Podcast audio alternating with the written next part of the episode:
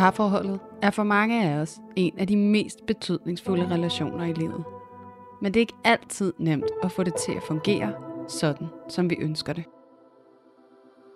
Derfor er vi her, for at give dig alle de bedste værktøjer, vi kender, til at styrke dit parforhold og hjælpe dig til at opdage, at du ikke er alene med de udfordringer, som parforholdet kan byde på. Din værter er seksolog og antropolog Julie Hove, Og selvværdscoach Louise Lukov.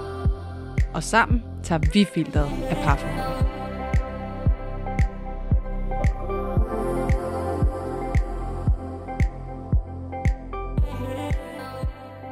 Hej og velkommen til Parforhold Uden Filter.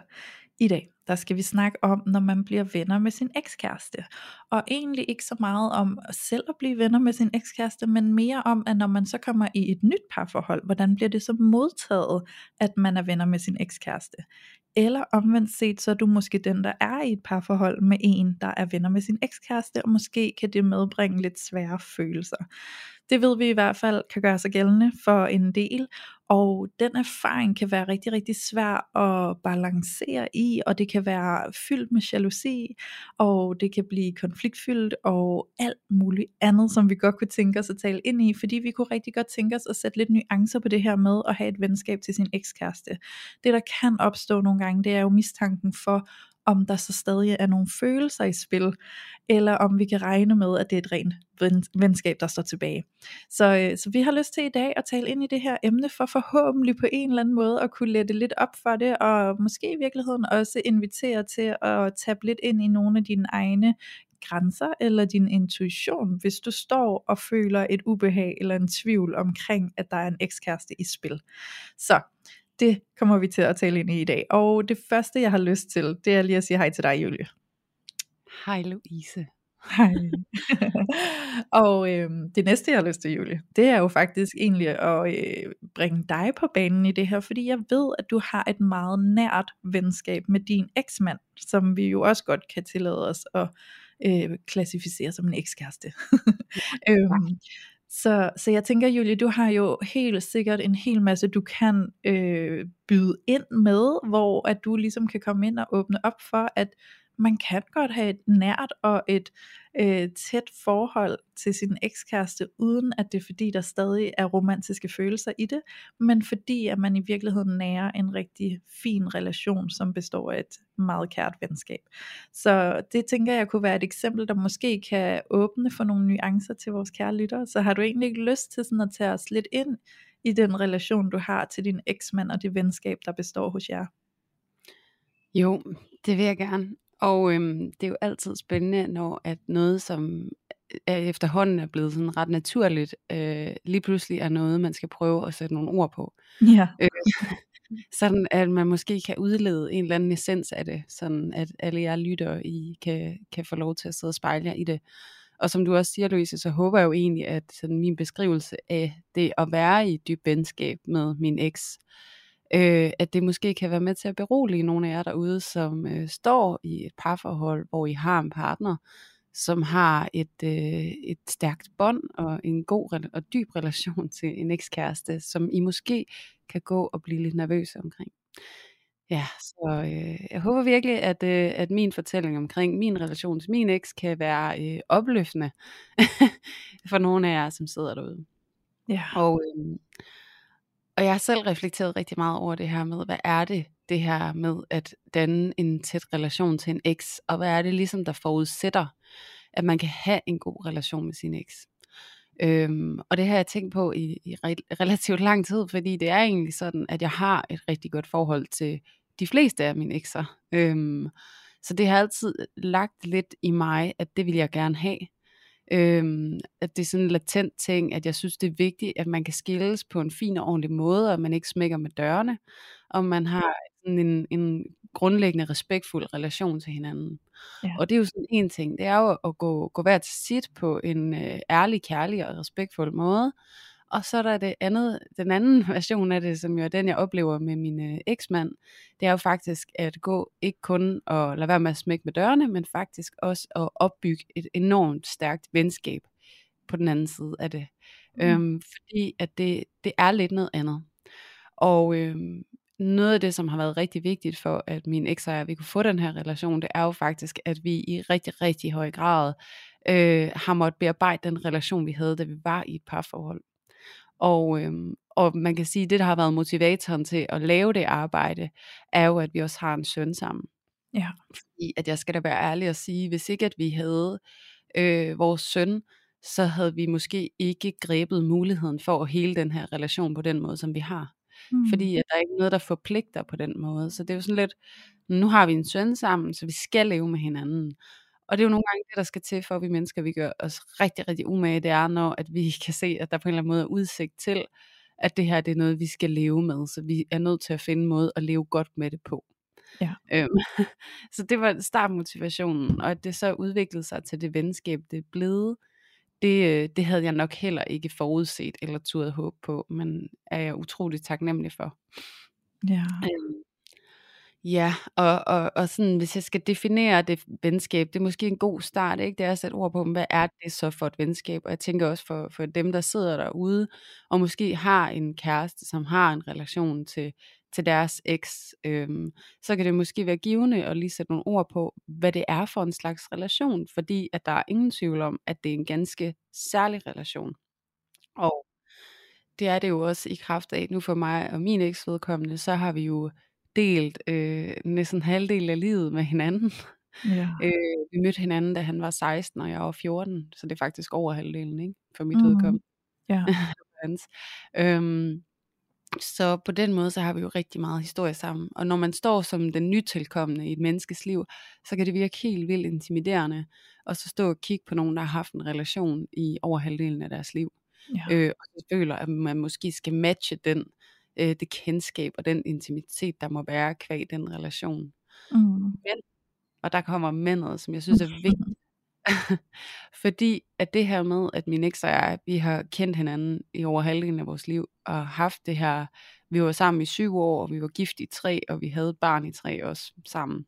Mm. Øh, Så det er jo en ret intens relation, hvor vi virkelig har oplevet nogle ting med hinanden. Og lige præcis fordi vi har det, så har vi virkelig også udforsket det romantiske potentiale mellem ham og jeg. Ja. Og, og det er vigtigt for mig at understrege lige præcis det, fordi det betyder også, at vi nu på den anden side er helt enormt afklaret omkring, at den romantiske relation er ikke den relation, der passer til os. Mm. Det er ikke det, der skal stå i forgrunden. Vi har så udforsket og fundet ud af, at det vi er rigtig gode til, det er, at vi er sindssygt gode venner. Vi støtter hinanden, vi elsker hinanden. Vi er rigtig gode til at spare med hinanden, når vi føler os udfordret på noget. Så vi er også gode sparringspartnere, og så er vi rigtig gode forældre sammen. Fordi vi har meget sådan samme ideologi omkring børneopdragelse og alle de her ting. Så der er det jo også et, et stykke arbejde i at få defineret, hvad er vores relation, og hvad den er god til, og hvad er den mindre god til. Og jeg må sige, at jeg har aldrig øh, følt mig lige så afklaret omkring, øh, hvor jeg står i forhold til menneske, som jeg gør med min eksmand. Mm. Og det er ret interessant, ikke? Men det er jo fordi, at der sker noget, når man har øh, prøvet at udleve det der romantiske potentiale i en relation. Ja. Fordi man har prøvet at udleve det her romantiske potentiale, og man virkelig har arbejdet hårdt på det, og man er gået forløst derfra, så er der en kæmpe ro omkring, hvor har jeg dig henne? Ja.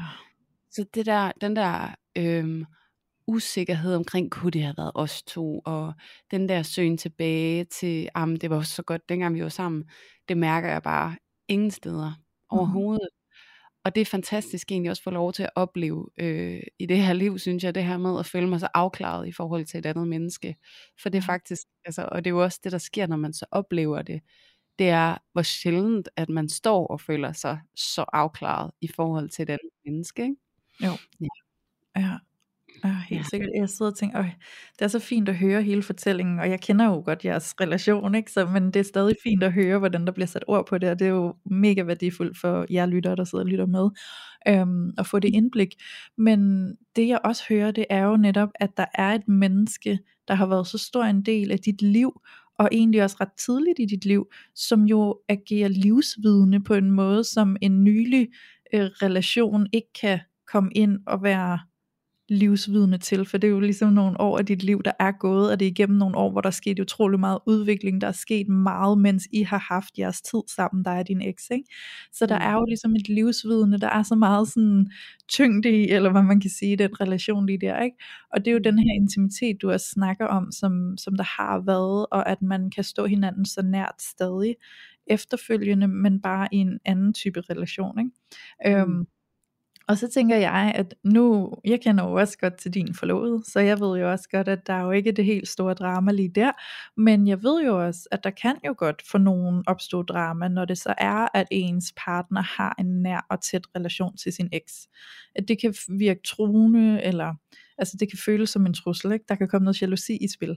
Øhm, og jeg ved jo eksempelvis godt, at, øh, at, at dig og din eks kan, har jo netop det her tætte bånd, hvor som du selv siger, I kan sidde og spare med hinanden, I kan sidde og dele dybe følelser med hinanden, og have nogle gode snakke og støtte hinanden i de ting, der sker i livet. Ikke? Øhm, og det kan jeg jo sagtens se for mig, kan være utrolig udfordrende, hvis man bærer på noget jalousi, hvis man nu er partner til det, og står og tænker, hvorfor er det, at du sidder og snakker med din eks om alle de her utrolig følsomme ting, hvorfor er det ikke mig, eller det kan føles truende, at hvorfor deler du noget så intimt med din eks, så vil du ikke prøve at tage lidt ind i det, Julie? Mm-hmm. Jo, altså jeg tror, at noget af det, der, altså, min situation vil jeg også sige på nogle måder er lidt unik, fordi at, øh, at det der jo er konstellationen for mit vedkommende, det er jo også, at min nuværende partner, min, min kære forlovede mand, mm. øh, han var jo min bedste ven i en årrække, før øh, at vi endte med at blive kærester.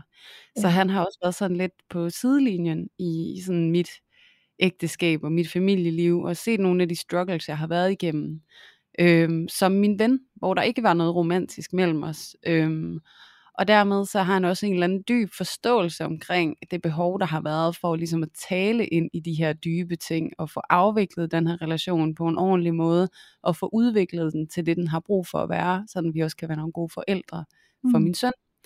Øhm, så der på en eller anden måde, så har han haft sådan en øh, dyb forståelse og enorm respekt omkring, at det var det, han gik ind i. Så det der med, at han havde ikke brug for at gå ind og disrupte, øh, hvad der havde været, men var interesseret i at støtte op omkring og få det landet, sådan mm. at det var rart for os alle sammen at være i det. Ja. Øh, så på den måde har jeg jo også oplevet, at han virkelig har samarbejdet rigtig meget. Øh, sådan at vi kunne netop lande relationen et sted, sådan, hvor at den også var givende, og ikke kun til at tolerere, hvis du forstår, ja. hvad jeg mener.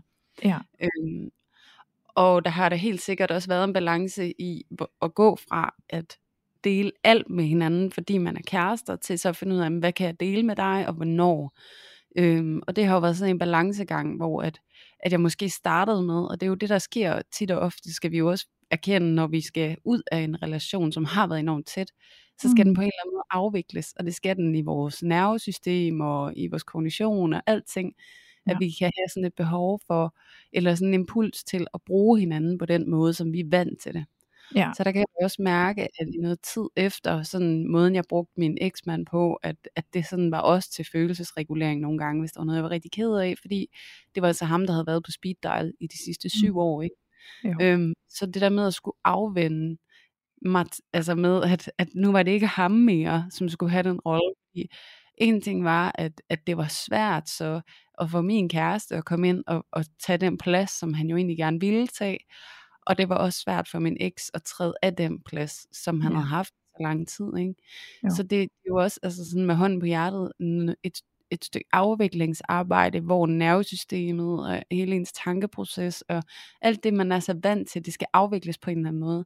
Og noget af det, der har været rigtig værdifuldt for mig, det er egentlig ikke at blive øh, udskammet eller bebrejdet for, at jeg skulle igennem den afvending, øh, man kan sige det sådan, men at blive understøttet i, altså mærke min kærestes tydelige grænser med, det her har jeg, kan jeg have det svært med, at mm. du taler med din eks om, og også min eks, han var sådan, det her har jeg det svært med, at du taler med mig om, nu hvor vi er i den her type relation.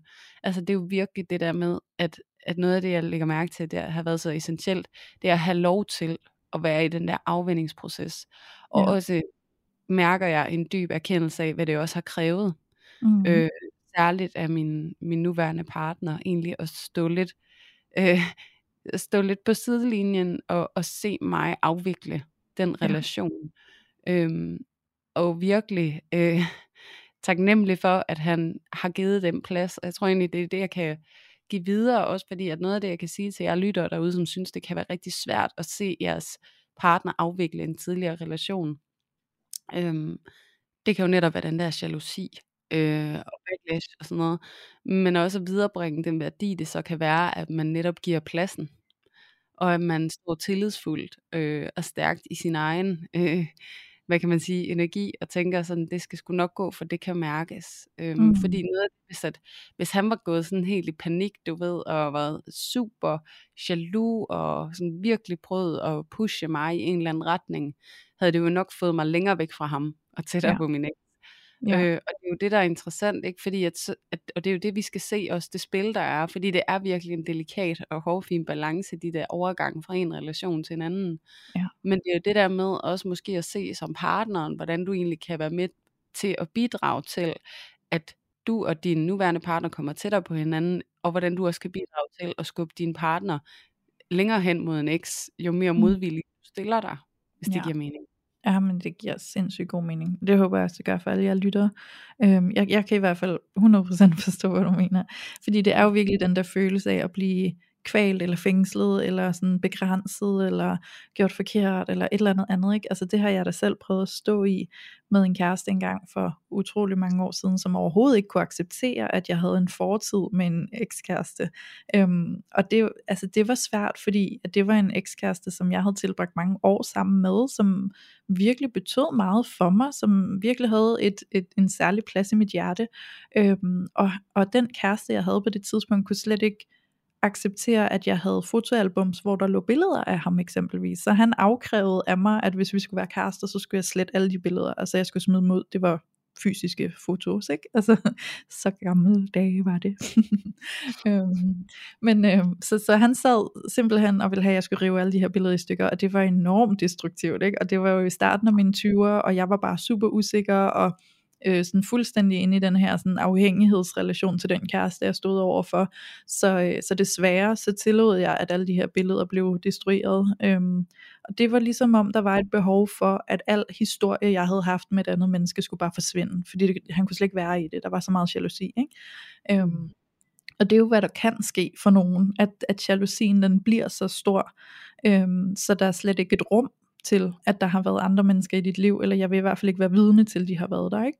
Øhm, og det kan jo virkelig være kvælende, og det kan virkelig være meget destruktivt for relationen. Så jeg tror også, det handler om, at øhm, altså der er jo virkelig to sider her, som der skal tages højde for, for man kan måske være den, der står med en jaloux partner, men man kan jo også være den jaloux partner. Øhm, så jeg tror, det er virkelig vigtigt det her med, at uanset de følelser, der er til stede, at man finder det i sig selv og formå at komme ind og snakke og i tale sætte det, man oplever på en rigtig fin og respektfuld måde. Ikke? Så hvis nu, at jeg dengang øh, havde mødt, at den kæreste, jeg havde, at han var kommet til mig og sagt, jeg kan mærke, at det er utrolig svært for mig at se billeder, øhm, eller vide, at du har dem, vide, at du gemmer på dem, og vide, at det betyder noget for dig, det her menneske, du engang har været kærester med før mig. Øhm, hvis han var kommet til mig og sagt det på den måde, så kunne jeg jo også på en anden måde have omfavnet ham og støttet ham i det, der var svært for ham, og give ham en eller anden form for bekræftelse og forsikring. Ikke? Øhm, ja. Men det er jo svært at gøre, hvis, hvis man bliver mødt med en form for destruktiv adfærd, der kommer ud af den der jalousi, hvor at der egentlig bare er et behov for sådan at adskille og sådan lukke ned og alt det her. Ikke? Øhm, fordi så som du siger, Julie, så kan der jo komme en modvillig reaktion, hvor man bare skubber fra sig. Øhm, eller at der kan komme den reaktion, der kom i mig, hvor jeg bare underlagde mig. Men det der også skete på sigt, det var jo, at jamen, så var vi jo bare også i en relation, der ikke var særlig stærk, fordi der ikke var plads til mig, som jeg var. Ikke? Øhm, ja, præcis. Ja. Ja, det er jo det der med at gøre hinanden større, og ikke at gøre hinanden mindre. Ikke? Altså ja. ikke at begrænse hinanden, hvor, og det der, det der sted, hvor man mærker, at jeg får impuls og lyst til at begrænse dig, fordi jeg bliver taget af min egen usikkerhed. Mm. Det er jo der, det egentlige arbejde ligger. Det ligger jo ikke i at begynde at begrænse den anden, det ligger jo i at begynde at udvide sig selv. Ja, netop. Ja, ja. Sådan at man kan være med de steder i en, som gør en usikker, og at man kan lære at skabe sig nogle nye erfaringer med, at det kan jeg godt holde til, og det skal nok ja. gå. Og det er med, at, at fordi det vi ofte vil erfare, når vi begynder at udvide os selv, så at vi kan tolerere noget mere, det er også, at vi kommer til at udstråle en anden ro, som mm. vil gøre, at folk kommer tættere på os, i stedet for den ængstelighed, som vi skubber folk væk fra os med. Ikke? Jo det er jo virkelig, virkelig vigtigt og essentielt, og det er jo også noget af det, der, altså, det, jeg har jo virkelig, og, altså, jeg, hånden hvor jeg, jeg er så dybt taknemmelig for, at, at min partner, han har kunne øh, støtte mig i at afvikle og udvikle den her relation til min eksmand, så den kan være så god, som den er i dag. Altså, vi sad alle sammen og spiste aftensmad i går helt spontant, ikke? Og jo. bare hyggede os, og drak vin, og grinte, og dansede, og legede med svær, og sådan noget, ikke? Øh, alle ja. sammen ja, og det der med, at, at vi kan det sammen, og at der ikke er nogen, der skal altså sådan være bange, og sådan, men at vi, vi tager ansvar for vores egen frygt hver især. Ja. Øh, så vi ikke får givet den til hinanden, så, men, men at vi kan være med det, som er. Og det er jo mm. det, jeg synes, der definerer de her ansvarlige relationer, som vi jo også så ofte har talt om i mange andre sammenhænge, Louise. Ja. Øhm, og det er virkelig, virkelig essentielt. Øhm, og jeg sidder jo også og tænker, at, at så er det jo også måske vigtigt at skille imellem, fordi der kan jo også sidde nogen derude, som tænker, jamen jeg føler mig usikker, jeg mærker jalousien, og jeg føler faktisk også, at den er berettiget. Mm. Øhm, og der, der kan jeg jo godt lide, at øh, seksolog og parterapeut Sara Skorp, hun har lavet den her skældning imellem to typer af jalousi, og jeg mm. tror også, vi har talt kort om det før, men den sunde jalousi og den usunde jalousi. Og hvor den sunde, det er jo, når vi mærker, at jeg har reelt fået overskrevet en grænse. Ja. Øhm, det kan være, at jeg har set, at vi har siddet sammen med din eks, eller været i byen, og du er gået over og danset tæt med din eks, eller lagt en hånd på låret, eller måske skrevet, jeg savner dig, eller sådan noget, hvor jeg kan mærke, wow, det er over min grænse. Ja. Det er sund jalousi, fordi det, det er en grænse, der er blevet overskrevet, det må du godt lytte til. Mm. Og så er der den usunde jalousi, hvor det er sådan, om du snakker med din eks, det er sikkert bare fordi du gerne vil have hende tilbage, eller om hvorfor snakker I sammen på den måde, og hvad mener du med det, og vil du hellere have hende end mig, siden du bliver ved med at snakke med hende, og sådan, og det er de der konspirationstanker, hvor det bliver sådan en tankemøller, som stikker af med os, og som dybest set ikke bunder i det, der sker ude i virkeligheden, men sker bunder i det drama, der kører ind i os. Præcis. Ja. ja. Oh. Og det der med at kunne skille imellem de to, det er så knaldhamrende vigtigt. Ja. Fordi i den usunde, der er det altså dig, der skal på arbejde. Ja. Og i den sunde, der er der måske faktisk en grænse, som du har brug for at sætte, som er mm. fuldstændig mm. legitim i forhold til, hvad vil jeg være med til. Ja. Men det er virkelig vigtigt at lære at skille imellem de to. Jamen det er jo det. Det er det virkelig, også fordi det er jo den vej, man kan komme videre fra, ikke? Altså så når man mærker, at der er en grænse, der er overskrevet, så er det jo også vigtigt, at man kan tage den grænse op med sin partner. Øhm, og jeg synes egentlig også, at et vigtigt aspekt at tage med her, det er, at man kan jo reelt set også være i en situation, hvor ens partner måske har et eller andet følelsesmæssigt kørende med sin ekskæreste. Øhm, så der kan jo godt være noget på spil, som vi har brug for at sætte en grænse for. Så det er jo også det der med i virkeligheden at tabe ind i, hvor ligger dine grænser hen? Hvad vil du være med til? Hvad vil du ikke være med til? Altså hvad er okay for dig? Hvad er ikke okay for dig? Og så formidle det til din partner. Øhm, og huske på at holde fast i dig selv i det. Fordi vi kan jo også godt komme til, hvis, altså det er jo den her rigtig fine pærevælling, eller cocktail, hvis jeg skal sige det sådan, at den der ængstelighed og jalousi, der kommer på spil, og så kan vi faktisk næsten ikke mærke, hvad der er virkelighed, og hvad der ikke er virkelighed, og vi kan have utrolig svært ved at vide, jamen er det bare fordi jeg er ængstelig, eller, eller er det en okay grænse, jeg har her, eller kræver jeg for meget, eller for lidt, eller altså sådan, man kan virkelig blive forvirret, ikke?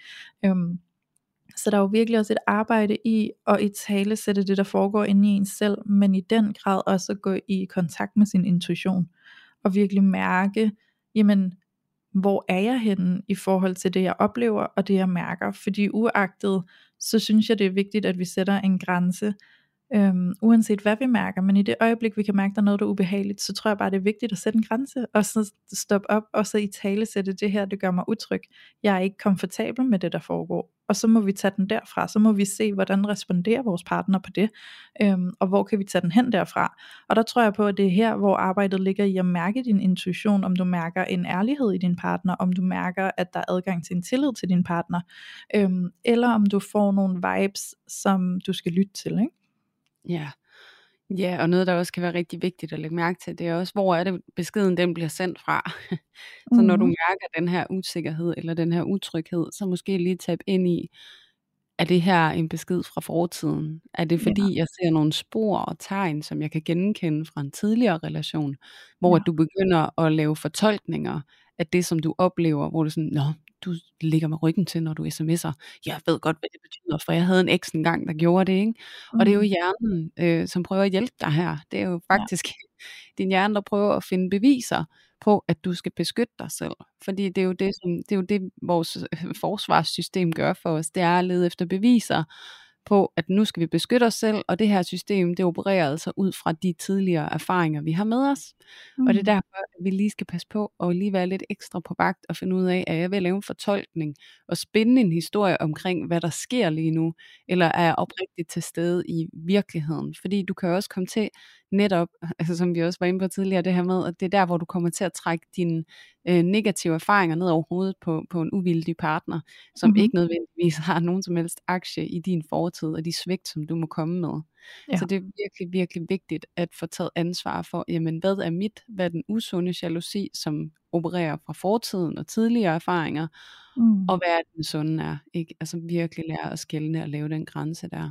Fordi Ja. det har en kæmpe betydning for, hvordan vi kommer frem. Og så også på noget andet, Louise, som jo også Mhm. er rigtig vigtigt, eller som kan være super effektfuldt at arbejde med, hvis vi står i et parforhold, hvor det er, at vi har en partner, som vedbliver i en eller anden kontakt med en ekskæreste.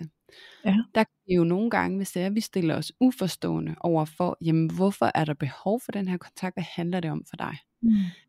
Og det i sig selv, de to spørgsmål, jeg lige stillede der, er jo faktisk noget af det, vi kan gøre for at gå konstruktivt ind i en forståelse af, hvad er det, der sker her. Og også Ja. noget, der kan være med til at følelsesregulere os, fordi vi undersøger frem for at antage. Ja. Så det her med at gå på undersøgelse i, hvad er det, det giver dig? Hvad Mhm. er det for en værdi, det har for dig at vedblive i den her kontakt? Er der måske endda noget i vores relation, som du går og synes kan være svært, eller noget du savner? Kommer jeg frem på en eller anden måde, som gør, at det er svært for dig at komme og dele de her ting med mig? Eller hvordan er det ikke? Og det er jo det her med, at vi har desværre ofte en oplevelse af, at vi skal være den perfekte partner for dig. Mhm. Og det skal vi bare leve op til, og vi skal helst gerne regne ud, hvordan det ser ud. Og i det hele den proces, hvor vi prøver at gå og gøre os selv perfekte, der er det tit og ofte, at vi forpasser chancen for reelt set at være en god partner for vores partner. Mhm. Fordi det, der skal til, det er jo det her med at involvere os, og så sige, hvad er det, jeg gør, som virker fedt for dig, og hvad er det, du kunne savne? Ja. Og det er jo der, når vi stopper med at have den der feedback-kultur i vores parforhold, at Mhm. så begynder vi måske at søge andre retninger for at få opfyldt vores behov for kontakt. Ja. Og der er det jo en ekskæreste, man har en historie, og man ved, hvad det handler om, og alt det her, og så kan det være så trygt at søge tilbage i den relation. Så det er også det, vi får øje på, at det kan være et udtryk for, at der er et eller andet i vores relation, som vi måske har brug for at tage hånd omkring, og for at give noget omsorg og opdyrke med hinanden. Ikke? Jo. For at det er jo dybest set, når alt kommer til alt, et spørgsmål om tryghed. Altså sådan, hvorvidt der er tryghed i den eksisterende relation. Og hvis ikke der er det, så kan vi søge ud af den for at finde tryghed i noget andet. Og det bliver jo ofte en anden tæt relation, som Ja. en relation til en ekskæreste jo har været. Ikke? Jo. Uh, og når du siger alt det her, Julie, så kan jeg ikke lade være med at sidde og tappe ind i denne her, øhm, altså det her med også at tillade, at der er andre mennesker i vores partners liv, som har en særlig plads hos dem. Det Ja. her med, at der også er andre, der kan være nære relationer for dem, som de støtter sig til. Fordi øh, der kan godt komme sådan et tema op, hvor vi kan føle, jeg skal ikke, altså det er ikke engang det der med, sådan, at jeg skal have førsteplads, det kan det også godt føles som, men det er mere det der med, at jeg skal være den eneste plads. Øhm, altså det er, sådan, det, det er mig, der skal fylde det hele, og det, det altså sådan den der sådan absolute øh, nærhed, vi kan tolke det som, hvis jeg er den eneste, du deler dig selv med. Ikke? Øhm, Ja. Så der er også virkelig noget i at komme ind og være åben og accepterende for, at der altså også kan være andre mennesker i din partners liv, som har en stor betydning for dem, som de læner sig ind i for støtte. Og Ja. selvom det måske er en ekspartner, så er det ikke ens betydende med, at der er følelser i spil, og det er et spørgsmål om, at de er på vej tilbage til den partner og alt muligt andet. Husk at de har haft en plads, og der er rigtig meget historie for dem, der er meget, hvor de har været livsvidner for hinanden, øhm, mm. der er meget tryghed, der er måske nogle helt særlige elementer, de kan tabe ind i der, hvor de kan blive støttet, og det vil de gerne, og det er ikke ens betydende med, at din plads er mindre hos dem. Nej, det så jeg synes også, der er virkelig noget vigtigt i det her, fordi øh, jeg har da selv, da jeg var yngre, havde øh, haft den der følelse af, at jeg skal være den eneste, du sådan støtter dig til. Du skal ikke dele noget dybt med andre end mig. Øhm, så det har også været et stykke arbejde for mig selv at komme dertil, hvor jeg kan være åben over for, hey, øh, der må også godt være andre mennesker i dit liv, som står dig nært, uagtet øh, hvem de i princippet er, så længe jeg kan mærke tillid, og jeg kan mærke tryghed, og jeg ved, at der ligesom er rent mel i posen, så at sige. Ikke? Ja, øhm, præcis. Ja. Og det er jo vildt spændende, det du siger, Louise, fordi jeg sidder jo for sådan helt, altså sådan, jeg tænker i tilknytningsperspektiv, ikke? Jo. Når vi ved, hvor vigtigt det er med tryg tilknytning, så ved vi jo også, at det her, det, det er jo et faktum, det her med, at vi knytter os til folk løbende igennem livet, ikke? Ja. Og når vi har været sammen med nogen og haft nogen så tæt på os og inde på livet, som vi ofte har med en, en romantisk partner, en kæreste, så kan det jo faktisk det jo næsten klassificeres som en form for overgreb, hvis man kommer som den nye partner, og så bare vil cutte det bånd der. Mm. Fordi at man selv har det ambivalent med, hvor er min plads? Så ja. det her med, at man bruger så meget krudt på at cutte båndet, det her tilknytningsbånd, i stedet mm. for at opdyrke det ved sig selv. At sige, jeg ja. vil gerne være trygt tilknyttet. Jeg kan mærke, at jeg har en fundamental mistillid. Jeg kan mærke, at jeg har svært ved at læne mig ind i relationen sådan tillidsfuldt, fordi jeg stiller alle de her betingelser for, hvad der skal til, for at jeg kan gøre det. Ja. Hvor at at det egentlig arbejde jo ligger i selv at blive tryggere og tilknyttet, ikke? Mm. Øhm, I stedet for at cut andres bånd for ja. ligesom, at, at, at, hvad kan man sige, jeg får sådan et billede af, at man indhegner dem, så man ja. ved, hvor man har dem, ikke? Altså den er meget ja. betinget tryghed, øhm, og hvor det virkelig også handler om i, i allerhøjeste grad, at man selv begynder på et stykke arbejde, hvor man opdyrker en, en form for ubetinget tryghed, ikke? Mm. Øhm, hvis man kan sige det på den måde. Jeg ved ikke, om det er den helt rette måde at formulere det på, men, men jeg håber, at du og I Ja, jeg håber i hvert fald, I kan følge mig, fordi det, ja. det, er så, det er så rigtigt, det du siger, Louise, det der med, at man har virkelig spillet en central rolle i hinandens liv. Mm-hmm. Øhm, fordi at det er jo også, altså nu min, min eks her, han er jo familie, altså han ja. er jo, og en ting er, at han er min søns far, sådan helt biologisk er han min familie nu, men, men også i forhold til netop, vi har delt så mange ting sammen. Han har mistet sin mor, og jeg har mistet min far, og vi mm. flyttede sammen for første gang. Der er så mange øh, centrale og vigtige ting, vi har delt med hinanden, som er en stor del af vores liv hver især. Så ja. vi er jo virkelig livsvidner, og hvis der var nogen, der kom og sagde, det skal du korte fra, hvis du vil have mig, jeg vil føle, det var sådan et overgreb på mig. Oh, ja. Ja, Ej, at jeg, ja, at jeg skulle lægge det fra mig. Altså, mm. Og et eller andet sted, så prøver jeg også at skitsere det sådan lidt hårdt lige nu, fordi at vi også er nødt til at forstå, hvor sindssygt ukærligt det er. Ja. Ja, virkelig ukærligt. Og det er jo heller ikke med til at skabe det her tillidsfulde fundament for relationen, fordi det er jo faktisk at gå ind og skabe en form for kontrol og dominans, og sådan, nu styrer jeg dig, og jeg bestemmer, hvad du må og ikke må, sådan, så jeg kan føle mig tryg i det. Ikke? Øhm, og det, og det er jo virkelig, altså det her du sagde, sådan, du sagde før, det her med sådan at indhegne, det jeg ser for mig, det er jo den der, hvor så går jeg ind og siger, jamen de her mennesker må ikke være i nærheden af dig, for det gør mig utryg. Så hvis vi nu fjerner dem, og afholder dig fra at være i kontakt med dem, så kan jeg på en eller anden måde føle, føle en større tryghed, men det er jo ikke en ægte tryghed. Det er, jo, det er jo en falsk tryghed, ikke? fordi den ægte tryghed ligger jo i, når vi bare kan tillade frihed i vores relation, og frihed til vores partner, øhm, ja. og slappe af i det, og vide, jeg har tillid til dig. Altså sådan, jeg stoler på, at du har rent mel i posen. Og hvis jeg ikke stoler på det, så bliver jeg jo nødt til at sætte en grænse, eller jeg bliver nødt til at snakke med dig om, at jeg har en dårlig vibe, eller jeg bliver nødt til at tage handling på, måske at gå min vej, eller et eller andet andet, hvis jeg reelt set ikke kan mærke, at jeg kan have den tillid. Ikke? Øhm, så, så prøv at mærke efter, sådan, selvfølgelig kan det være svært at mærke tillid, hvis det er fordi, du har en dyb utryghed inde i dig selv, hvor du måske får gjort din partner til en skurk, eller øh, på en eller anden måde, ikke? så det er selvfølgelig ikke nødvendigvis, at du så skal gå fra det, så skal du måske ind og arbejde lidt med din egen sikkerhed og tryghed og evne til at gå ind i tillid. Men hvis du oprigtigt tror, at der er noget på spil, og der er noget utroskab, der ligger ulmer øh, ude i periferien, jamen så kan det da godt være, at du skal vælge at sige, men jeg skal ikke være i den her relation, for den føles ikke ægte for mig at være i. Ikke? Det øhm, det. Og det er jo også yeah. noget med at tage den handling, og det kan jo også kræve enormt meget. Ikke?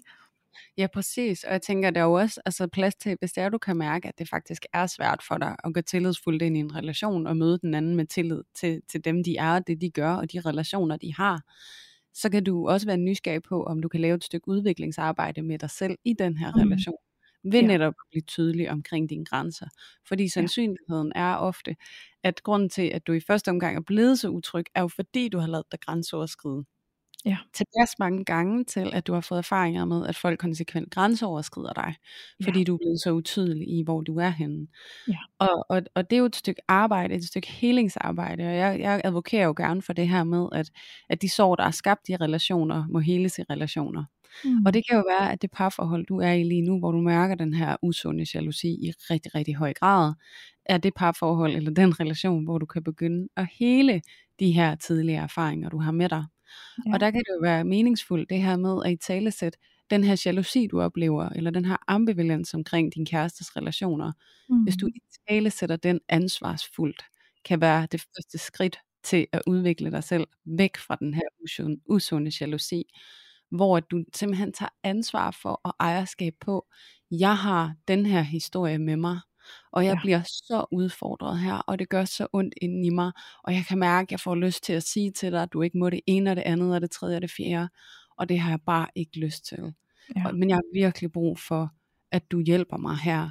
Og det, der kunne hjælpe mig, det er, at vi, hvis vi kunne lave et eller andet støtte for mig i en periode, sådan at jeg lige kan få lov til at erfare, at jeg kan have tillid. Ja. Og ikke, du må aldrig begrænse den anden og sige, du må ikke ses med din kæreste i de her tre måneder, så kan jeg mærke, mm. at jeg kan stole på dig. Det er ikke der, vi er. Men det der med, hvordan vil det være, når du så ses med din eks, eller mm. taler med din eks, kan du lige fortælle mig et eller andet lige der, at jeg elsker dig, selvom at jeg snakker med min ekskæreste, øhm, at det med, der er plads til jer begge to, du må godt være her, og jeg er ikke på vej til at skubbe dig væk, og sådan noget, så du kan godt slappe af. Men det der mm. med, at jeg faktisk selv kommer frem og tager ansvar for, hvad har jeg brug for lige her, hvor jeg bliver så usikker. Ja. At du ikke ligger det over på den anden og skåne, forskåne dig fra ja. at opleve din usikkerhed. For det er jo det, du kommer til, det er, at du kommer til at give den mm. anden ansvaret for din usikkerhed. Og det er hvor vi laver et overgreb på relationen, ikke? Helt sikkert. Og jeg er altså enig. Også, jeg synes faktisk, at med det du siger lige her, så giver det sådan en naturlig overgang til at snakke om, hvad så hvis man er den, der har en relation til sin ekskæreste, og har en partner, der er utryg i det. Hvad kan man gøre? Fordi der sidder jeg og tænker, at øh, lige her, der kan jeg selv komme på banen med min egen personlige erfaring, fordi jeg har en ekskæreste, som øh, som altså har en særlig plads for mig i mit hjerte, og det er også et venskab samtidig, og Øhm, det er ikke en, jeg sådan ses med og laver alle mulige ting sammen med, og vi snakker ikke sammen særlig ofte, men vi har måske bare lige sådan nogle check-ins hos hinanden, øh, hvad ved jeg, tre-fire gange om året eller sådan noget i den stil. Ikke? Øhm, og det betyder meget for mig stadig at have den kontakt og sådan følge med og vide, hvordan går det der, fordi det har været en tid i mit liv, hvor at det fyldte meget øhm, at have den relation. Altså det var virkelig et livsvidende for en, for en interessant periode i mit liv, hvis jeg skal sige det sådan. Ikke? Øhm, så, så jeg har ikke øhm, jeg har ikke lyst til at blive begrænset i at, at have den kontakt til ham. Og det som jeg har gjort med min nuværende kæreste, det er at være enormt transparent omkring den relation jeg har der og mit behov for kontakten dertil. Øhm, fordi jeg kan godt huske i begyndelsen af mit parforhold, hvor at jeg var faktisk sådan lidt øh, hvis jeg kommunikerede med min ekskæreste, så var jeg sådan lidt, mm, burde jeg sige det til min kæreste? Burde jeg forklare det? Altså sådan, jeg var sådan lidt, mm, det føltes som om jeg gjorde noget, jeg ikke måtte, eller sådan et eller andet, hvis jeg ikke sagde noget. Ikke? Altså det ved jeg ikke, om du kan genkende, Julie, eller forestille dig. Jo, jo, det kan øhm, Ja, så jeg var meget sådan, ej, så, så, så bliver jeg sgu nok bare nødt til at sige, hvad det er, fordi så er der jo ikke noget hemmelighedsfuldt, eller så føles det i hvert fald ikke hemmelighedsfuldt.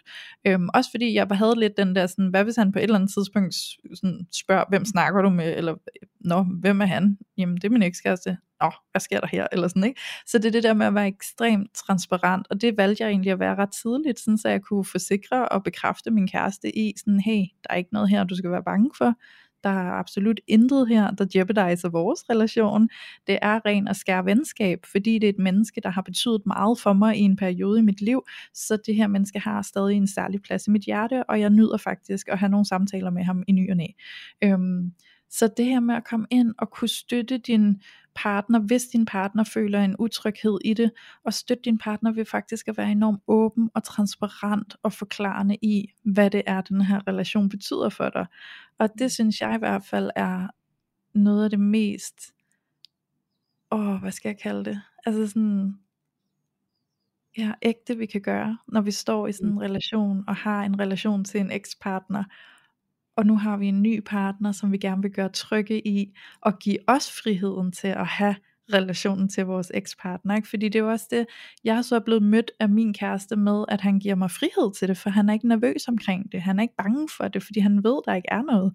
Um, Så det her med, at så har jeg min frihed til at være i relation med de mennesker, der betyder noget for mig at være i relation med, uanset hvad vores historie har været. Ikke?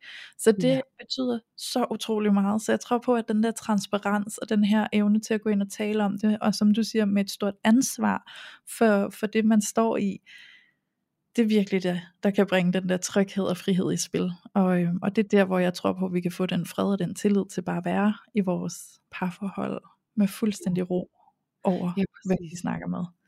Ja, og der er jo virkelig brug for den her frihed, fordi det er jo også, altså det vi ved om mennesker, det er jo, at det er det værste, du kan frarøve os, det er vores frihed. Ja. Og det vil vi altid forsøge, vi vil altid forsøge at bryde ud af det, som frarøver os vores frihed.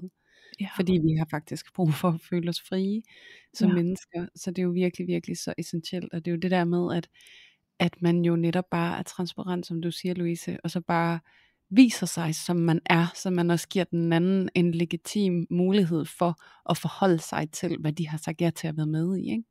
Ja. Sige, her er jeg.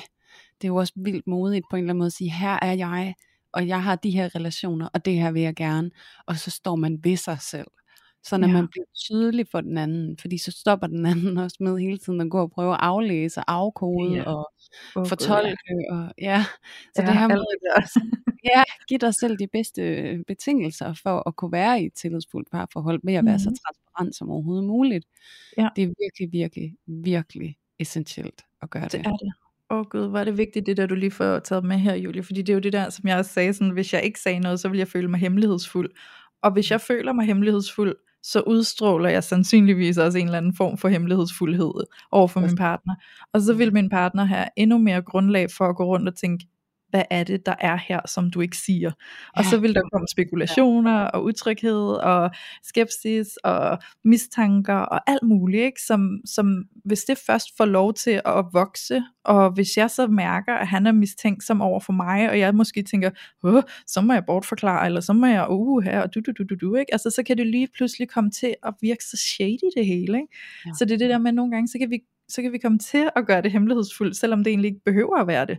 Bare ja. fordi vi er bange for, at det bliver mistolket. Altså jeg kunne reelt set tænke sådan, åh oh, nej, hvad hvis han tror, der er noget med mig og min ekskæreste, fordi at jeg snakker med min ekskæreste. Ej, så må jeg hellere lade være med at sige noget om, at jeg gør det, eller så må jeg bare holde det hemmeligt, eller øh, du ved, et eller andet. Ikke? Altså så vil det bare på et eller andet tidspunkt, tror jeg på, at det skinner igennem, og så opstår der en mistanke og en utryghed, og så kommer hele den der med sådan, hvorfor har det stået på så længe, uden jeg har fået noget at vide, ikke? Altså sådan, hvad er det, du skjuler, og så kører den ligesom der, og så er dramaet lidt sat i gang, og så har vi egentlig givet ret god grobund for mistanke og utryghed. Så jeg tror bare, det er så vigtigt, at begge parter tager et ansvar i at være meget transparente og meget tydelige og komme frem så hurtigt som muligt omkring det, der er. Sådan så vi kan få den her åbenhed, der skaber tryghed. Ja, præcis. Og det kan jo også være det der med, at man, nu tænker jeg på det der med at være den, der skriver, og så mærke den der uro, uro omkring sådan, åh oh nej, hvad, hvad vil du få det til at betyde, at jeg skrev? Jeg kan jo godt selv mærke, at der ikke er noget, men hvordan vil du reagere? Der er det jo virkelig også den, som gerne vil have kontakten med eksens ansvar, at gå frem til partneren og så sige, jeg synes det er helt svært at sige, fordi jeg er faktisk bange for, hvordan du har det med det, jeg er bange for at komme til at skubbe mm. dig væk, eller fordi at, at det er noget, der er vigtigt for mig, men jeg ved ikke, hvordan det lander over i dig, og jeg havde egentlig tænkt, at jeg ikke vil sige noget, men det duer jo heller ikke, fordi så, så gør jeg det jo til noget, det ikke er. Altså ja. sådan, det der med at være så gennemsigtig, som man overhovedet kan, fordi man jo netop kan gå, komme til at gå og holde på det, fordi at mm-hmm. man bliver så bange for at komme til at skubbe væk, hvis ikke ja. at man lever op til det der ideal omkring, hvem jeg skal være som partner. Og det kunne ja. jeg også godt tænke mig lige sådan at runde i det her afsnit, at alt det her hemmelighedskrammeri, og jalousi og alt det her, er jo ofte noget, der udspringer af den her fantasi omkring, at vi skal være hinandens eneste ene.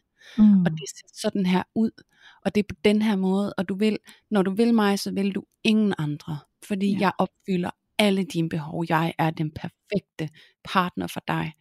Og jeg har bare sådan brug for, at vi får aflevet den der, det der narrativ fuldstændig, og manet det fuldstændig til jorden, fordi det er det, der kvæler vores parforhold. Mm-hmm. Det her narrativ omkring den her måde, vi skal være hinandens eneste ene på, fordi ja. det fjerner vores mulighed for at være mennesker sammen og have ja. de her almen menneskelige følelser og tvivl og forvirring og behov for andre mennesker, det bliver fuldstændig udvandet, når det er, at vi skal stå og tro på, at vi skal være hinandens eneste ene og, og, og kunne opfylde alle behov med alt, ja. hvad det indebærer. Fordi det er bare ikke en realitet. Og det mm-hmm. interessante er, nu kommer jeg lige med sådan en personlig reference på det her, fordi mm. noget af det, der skete, da det var, at jeg blev skilt, og jeg fik min nye kæreste, det var den her følelse af, nu fik jeg placeret jer rigtigt. Ja. Og at, at min bedste ven... byttet rundt forkert før. var byttet rundt forkert før. Ja. Og så i går, da vi har haft en rigtig hyggelig aften, og min søn har været der, og min eksmand og min kæreste, vi har bare siddet og hygget os. Og så går øh, min eksmand og, øh, og min søn, de går hjem til ham. Og så jeg sidder, står jeg alene med min, øh, min dejlige kæreste, og så siger jeg, ej, jeg har det bare som blommen i det, når jeg er sammen med jer. Mm. Fordi jeg har bare alt godt altså yeah. til mig. Og vi kan sidde her sammen og grine og hygge os og have det rart. Det er så fantastisk. Fordi på den ene side så opfylder min eksmand et helt særligt behov, som jeg ikke, jeg kender ikke nogen andre, der kan opfylde det behov. Nej. Men det gør min kæreste også. Men ja. det der med, I kan ikke det samme for mig. Nej. I kan noget hver især, og jeg vil ikke undvære noget af det. Så når jeg kan få lov til at være sammen med jer, så kan jeg virkelig spejle mig selv på alle mulige måder. Altså jeg føler mig endnu større, når I begge to er her, ikke? Og det er jo fantastisk. Og det er jo det der med, der er bare ikke, ja, men det der med, der er ikke et menneske, der skal fylde, udfylde alle rollerne. Nej. Vi, kan, vi har flere, og det er sådan virkeligheden er. Ja. Ja, det er, det er så fint. Er. Wow. Altså jeg er sådan helt, ja, det var ja. det største guldkorn til den her samtale, der lige kom frem der. Ja. Fordi det indkapsler bare så meget, hvad det egentlig er, det er. Og ja. det kan vi være trygge i, for der er ikke noget der, der er farligt. Fordi, wow, det er bare, at der er forskellige behov, og forskellige mennesker tapper ind i de behov, og til sammen er det det, der fuldender. Fuldstændig. Ja. ja. Oh. Det er det. Vi er også, altså, mm. Jeg kan godt lide at tænke lidt tilbage nogle gange, når man snakker ind i den her måde at se det på. Det er det her med, at vi som udgangspunkt er flugtdyr. Ja. Altså, vi, vi ja. fungerer godt i flugt. Det er også, it takes a village to raise a child. Oh yeah. Så den her utopi om, at vi er to mennesker og mm-hmm. en kernefamilie, og inde i den lille enhed, der kan vi udrette alt. Mm. Det er meget forkvaklet billede på, hvad det egentlig er, vi er, ja. og hvad vi har brug for. Ja. Og ja. husk, hvor kommer det billede fra? Fordi det er et billede, vi er blevet påduttet. Det er ikke en naturlighed. Det er kommet, og det kommer igennem. Øhm, og nu taber jeg fuldstændig øh, det ord, jeg godt vil sige. Øh, kommersiel øh, hjælp mig, Julie. ja, det, det kommer fra sådan, det kommercialiseret på en eller anden måde, ikke? Ja, yeah, præcis. Ja. ja, det gør det nemlig. Så det, det er et billede, der er skabt, fordi at det på en eller anden måde havde til nytte for nogle af dem, der skabte billedet, der kunne få et eller andet ud af det. Et eller andet ud af at få dig til at tro på, at det er sådan, det helst skal se ud. Ikke? Øhm, det kan være, at det har været medvirkende til at kunne sælge nogle biografbilletter. Det kan være, at det har været med til at kunne sælge nogle morgenmadsprodukter i nogle reklamer med en lille fin kernefamilie. Altså alle sådan nogle ting. Så husk nu for delen, da det er et billede, der er skabt. Det er ikke en naturlighed. Øhm, så, så please frigør jer selv fra det billede, eller den øh, oplevelse af, at det er sådan, det skal være. Fordi der får vi virkelig begrænset både os selv og vores partner, og den relation, vi har sammen. Ja, det gør vi virkelig. Og det der ja. med, at det kan faktisk, og jeg synes det er så vigtigt, du lægger vægt på det, Louise, fordi det er nogle gange det der lidt bredere perspektiv, der kan mm. være med til at gøre alt det, vi oplever så dramatisk, sådan lidt mere harmløst, fordi vi forstår, ja. hvor i det har sine rødder. Ja. Og så hvis vi skal drage det endnu længere tilbage, det er jo, altså sådan, det er jo sådan kristendommen i sin tid, der lavede det her små familie øh, og så blev det sådan en måde, vi gjorde samfund på, at der var en mand og en kone og nogle børn, og, og mm. så er vi gået fra at være sådan nogle små lokalsamfund til, at nu er vi urbaniseret og individualiseret som aldrig før. Altså Ja. vi er brudt ned i mindre og mindre enheder, og vi tror, at alt det, som en landsby engang kunne få til at ske, det skal vi nu få til at ske inden for hjemmets fire vægge. Mm. Kæmpe Og det pres. ligger, ja, det ligger nemlig kæmpe pres. Ja. Og under os. det kæmpe pres, så bliver det jo endnu sværere for os at få det til at fungere, og så er det, der kommer endnu mere pres på at få det til at lykkes, og så er det, vi kommer endnu tættere på, at det ikke lykkes, og alt det her. Så det er jo også det der med at tillade nu at se værdien i, at det ikke kun er dig, der skal bære det hele med din partner, men at der må faktisk godt være nogle andre mennesker involveret, så I bliver jeres egen lille village. Præcis, lige præcis, fordi det er bare det, vi biologisk, hvis man tror på det, hvis man uh, tror på den type videnskab, det gør jeg i hvert fald, det er det, vi er programmeret mm. til. Det er jo faktisk at sammenskabe i fællesskaber, og ikke i Ja. bitte små enheder. Det er altså ikke der, Mm. magien den sker. Og Mhm. hvis det er, at I også har købt ind i det narrativ omkring, I skal være en lille, øh, ugennemtrængelig enhed, så er det så forståeligt, at I kan sidde derude og gå legit i panik, Mm. når det er, der er noget, der prøver at penetrere den der lille ugennemtrængelige enhed. Øh, og I kan føle jer som magtesløse i forhold til det. Og det, jeg synes jo, det er egentlig et ret fint måde rundt afsnittet af på, Louise, fordi vi starter jo med at tale om alle de der indre strukturer og tidligere erfaringer af svigt og frygt, som laver nogle fortolkninger ud i den relation, vi er i, til så også at tale om et mere strukturelt blik på, hvordan at der også er en hel masse store faktorer, som er med til at gøre det pres endnu større, som vi mærker på indersiden. Ikke? Jo. Så det her med også at have en enorm sympati omkring, og medfølelse omkring, hvor svært det kan være at stå her i det her liv, i den her tid, med en kæreste, som har en kontakt til en ekskæreste.